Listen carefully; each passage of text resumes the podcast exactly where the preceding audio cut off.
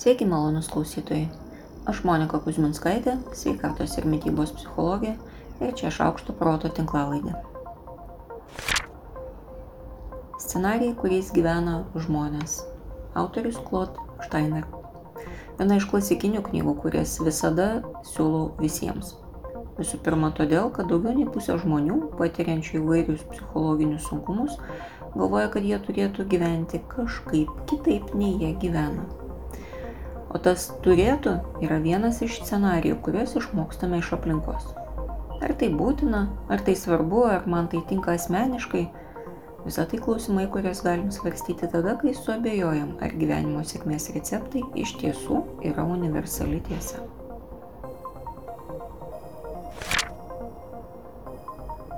Sunkiau mesti svorį ar išlaikyti svorį? Tarkim, investavote 3, 6 ar 12 mėnesių, pasiekėt norimą svorį, ar tai atnešė laimės ar ne, jau kitas klausimas, bet jis irgi labai įdomus. Bet kokiu atveju, savo sveikatai padarėt neįkainuojamą paslaugą. O kas toliau? Juk jei imsit valgyti taip pat kaip iki savo programos, tai juk viskas vėl kartosis. Na, nebent padarėt dar teisingiau ir visam laikui pakeitėt savo mytybą. Klausimas vis tik kyla, kaip žmonėms geriausiai pavyksta išlaikyti pasiektą mažesnį svorį. Vieno tyrimo 1998 metais metu buvo nustatyta, jog strategijos šiek tiek skiriasi pagal tai, kokiu būdu svoris buvo numestas.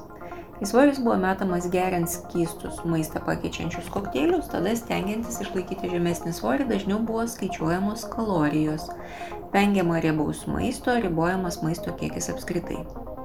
Kitoje grupėje svoris buvo metamas nenaudojant kokteilių, o savarankiškai arba dalyvaujant svorio metimo grupėse. E, toje grupėje išlaikant svorį daugiau buvo orientuojamasi į fizinio aktyvumo didinimą. Bėgiojimas, sportavimas su treniruokliais taip pat dažniau sveriamasi. E, kita vertus, pagrindinės dvi strategijos buvo tokios pat visose grupėse - daugiau judėti ir valgyti mažiau riebų maistą.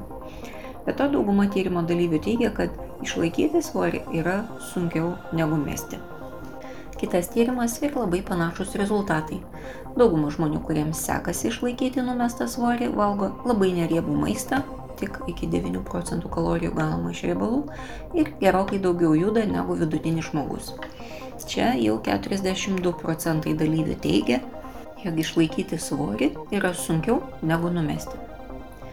Maždaug po dešimties metų pakartotas tyrimas neparodė jokių naujų tendencijų. Tie, kurie sėkmingai išlaikė savo pasiektą svorį, vis dar reguliariai mankštinosi, valgė neriebų maistą, o be to reguliariai valgė pusryčius.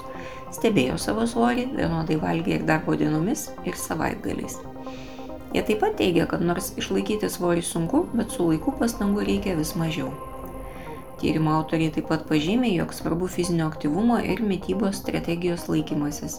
Žemas depresijos lygis, taip pat jei sprendimas mesti svorį buvo priimtas dėl kokios nors medicininės priežasties. Jiems pritarė ir kitas tyrimas. Kartu rūpinantis tinkama mytyba ir mankšta, išlaikoma iki 20 procentų mažesnis svoris. Beje, kalbant apie patį svorio metimą, sėkmiai svarbiau yra tai, ar turite planą ir ar jūsų ego Jūsų vidinis aš, kaip jūs jį savo įvardyjate, yra stiprus.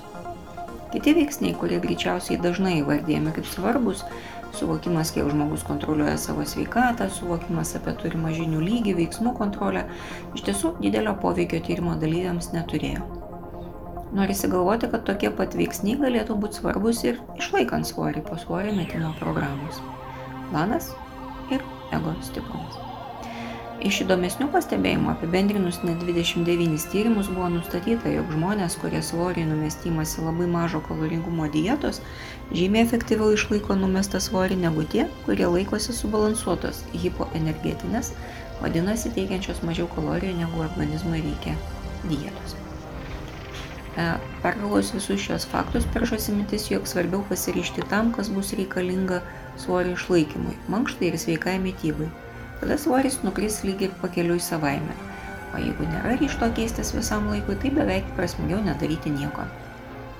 Na, bent jau nepamirškit, kad svorį išlaikyti taip pat sunku, o gal net ir sunkiau negu įmesti. Pasiekus norimą x kg nebus ir viskas. Viskas tuo metu tik ir prasidės.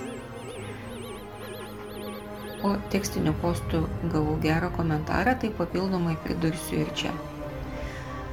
Labai mažo kaloringumo dieta originaliajame tyrimė vadinama Very Low Energy Diet. Tai tokia dieta, kai dalis maisto keičiama maisto pakaitalais, kurie gaminami specifiškai riebalų mažinimo tikslui. Čia santykinai daug baltymų ir labai mažai angliavandenių. O hipoenergetinė dieta, tyrimė vadinama Hypoenergetic Balanced Diet, tai įprastinis subalansuotas maistas, tik jo valgoma mažiau, paprastai iki 1500 kcal per dieną.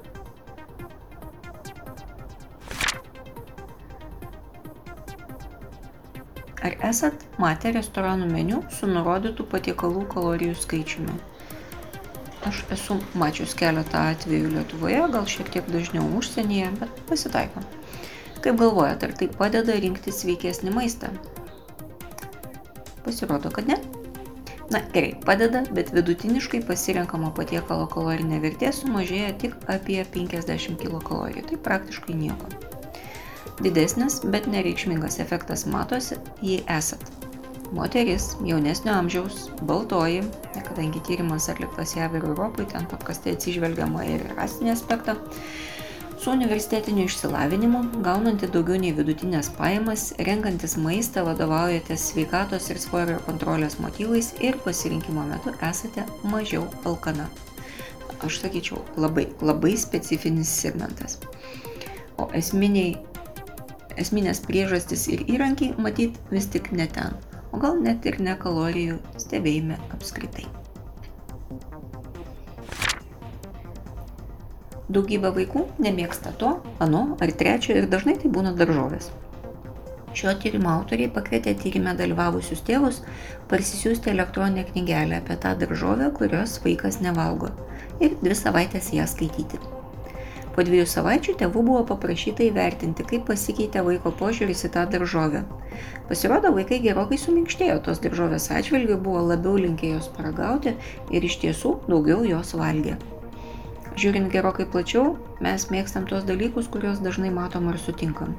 Todėl dažnas kontaktas su daržovėmis, net jei tai yra kontaktas be šaukšto, vis tiek yra labai teigiamas poveikis.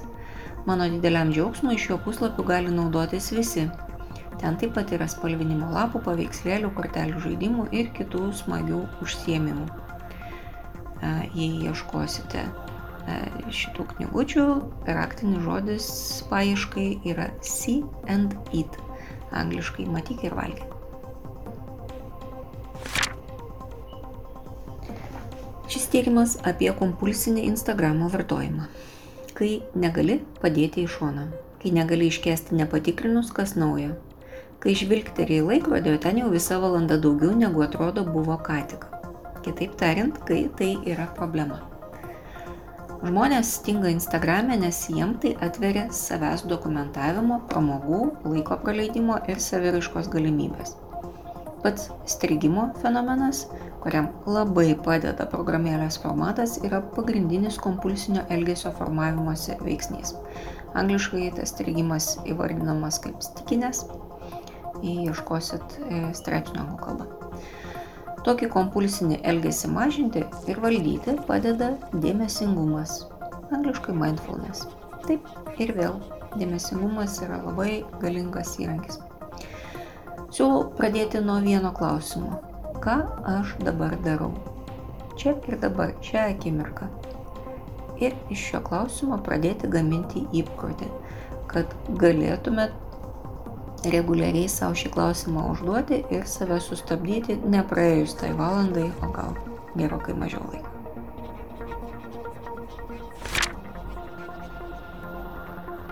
Esu didelė sąrašų gerbėja. Žinau, kad tai atrodo aspergeriškai, bet visi mes esam žesui kokie nors dalykai. Visi mes kabutėse sergam viskuo, tik ne visi taip stipriai, kad tai trukdytų gyventi.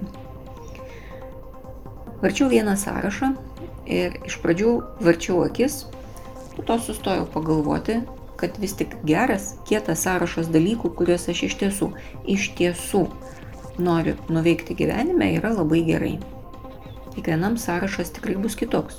Nusirašinėti nuo kitų tos dalykus, kurie jums atrodo jokingi, neįdomus ar neprasmingi, visiškai nebūtina. Nėra teisingų ar neteisingų įrašų tokiam sąraše. Yra tik tai, kaip, kas jums suveiks kaip laimės ir motivacijos piliulė. Žinau, kad apie tai daug kalbam ir žinau, kad tai retai darom. Todėl pabandykim. Na, o jeigu norėtųsi papildomos motivacijos prieš auginant motivaciją, tai peržiūrėkit arba pakartokit filmą Bucket List. O kai jau busit pasiruošę, imkite tuščią popieriaus arba elektroninį lapą pradėkit rašyti. Iš pradžių rašysis visokie paprasti dalykai ir gerai, tegul rašosi. Tarpuose vis pradėkit sakinį nuo bent kartą gyvenime norėčiau. Nebūtinai reikia valdyti svajonių apimti ir vengti smulkesnių dalykų, tokių kaip kasdien gerti skanę kavą. Greičiausiai bus keli etapai, kai atrodys, kad nebesugalvojat. Nieko su jais nedarykit, kantriai laukit. Ir mintis vėl sugrįž. Galit užrašyti ir visiškai laukinės idėjas, kurių realumo neįsivaizduojat. Tarkim, praleisti vasaros atostogas menulyje. Bet ir toks mąstymas labai gerai atidaro kūrybiškumo langus ir duris, todėl rašykit viską. Kartą įvardinta ir užrašyta svajonė yra kaip pasėta sėkla. Dabar apie ją jau negalėsit nustoti galvoti. Ir daugybė jūsų vidinių jums nematomų mąstymo procesų jums reiksti planus, kaip čia šias svajonės įgyvendinti. O kol kas tai bus pati savaime labai malonė veikla. Na, tai irgi eksperimentas, tiesa ne elgesio, daugiau planavimo ir svajonių eksperimentas. Eksperimentas yra viena iš dažnai naudojamų technikų kognityvinė elgesio terapija. Pats eksperimentas yra skirtas patikrinti įsitikinimo teisingumui. Įsitikinimai yra saliginai tvirti, bet nebūtinai teisingi sprendimai, kuriuos naudojam nekritiškai, nebetikrindami kiekvieną kartą jų teisingumą. Klaidingi įsitikinimai gali metų metais mus vesti neteisingų kelių, taip ir nesuprantant, kas su manim, ar su kitais, ar su pasauliu yra negerai. Eksperimentas leidžia atpažinti klaidas įsitikinime ir, stovint akistatoje su nauja informacija, jį pataisyti ir perkonstruoti iš naujo. Jei atlieka tokius eksperimentus, būsiu labai laiminga, jeigu pasidalinsit savo patirtim komentaruose. O jei ne, tai linkiu imti ir išbandyti.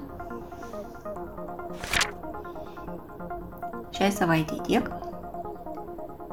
Aš Monika Kuzminskaitė, sveikatos ir mytybos psichologė, padedu spręsti kasdienius ir sudėtingus elgesio, mąstymo ir emocijų klausimus.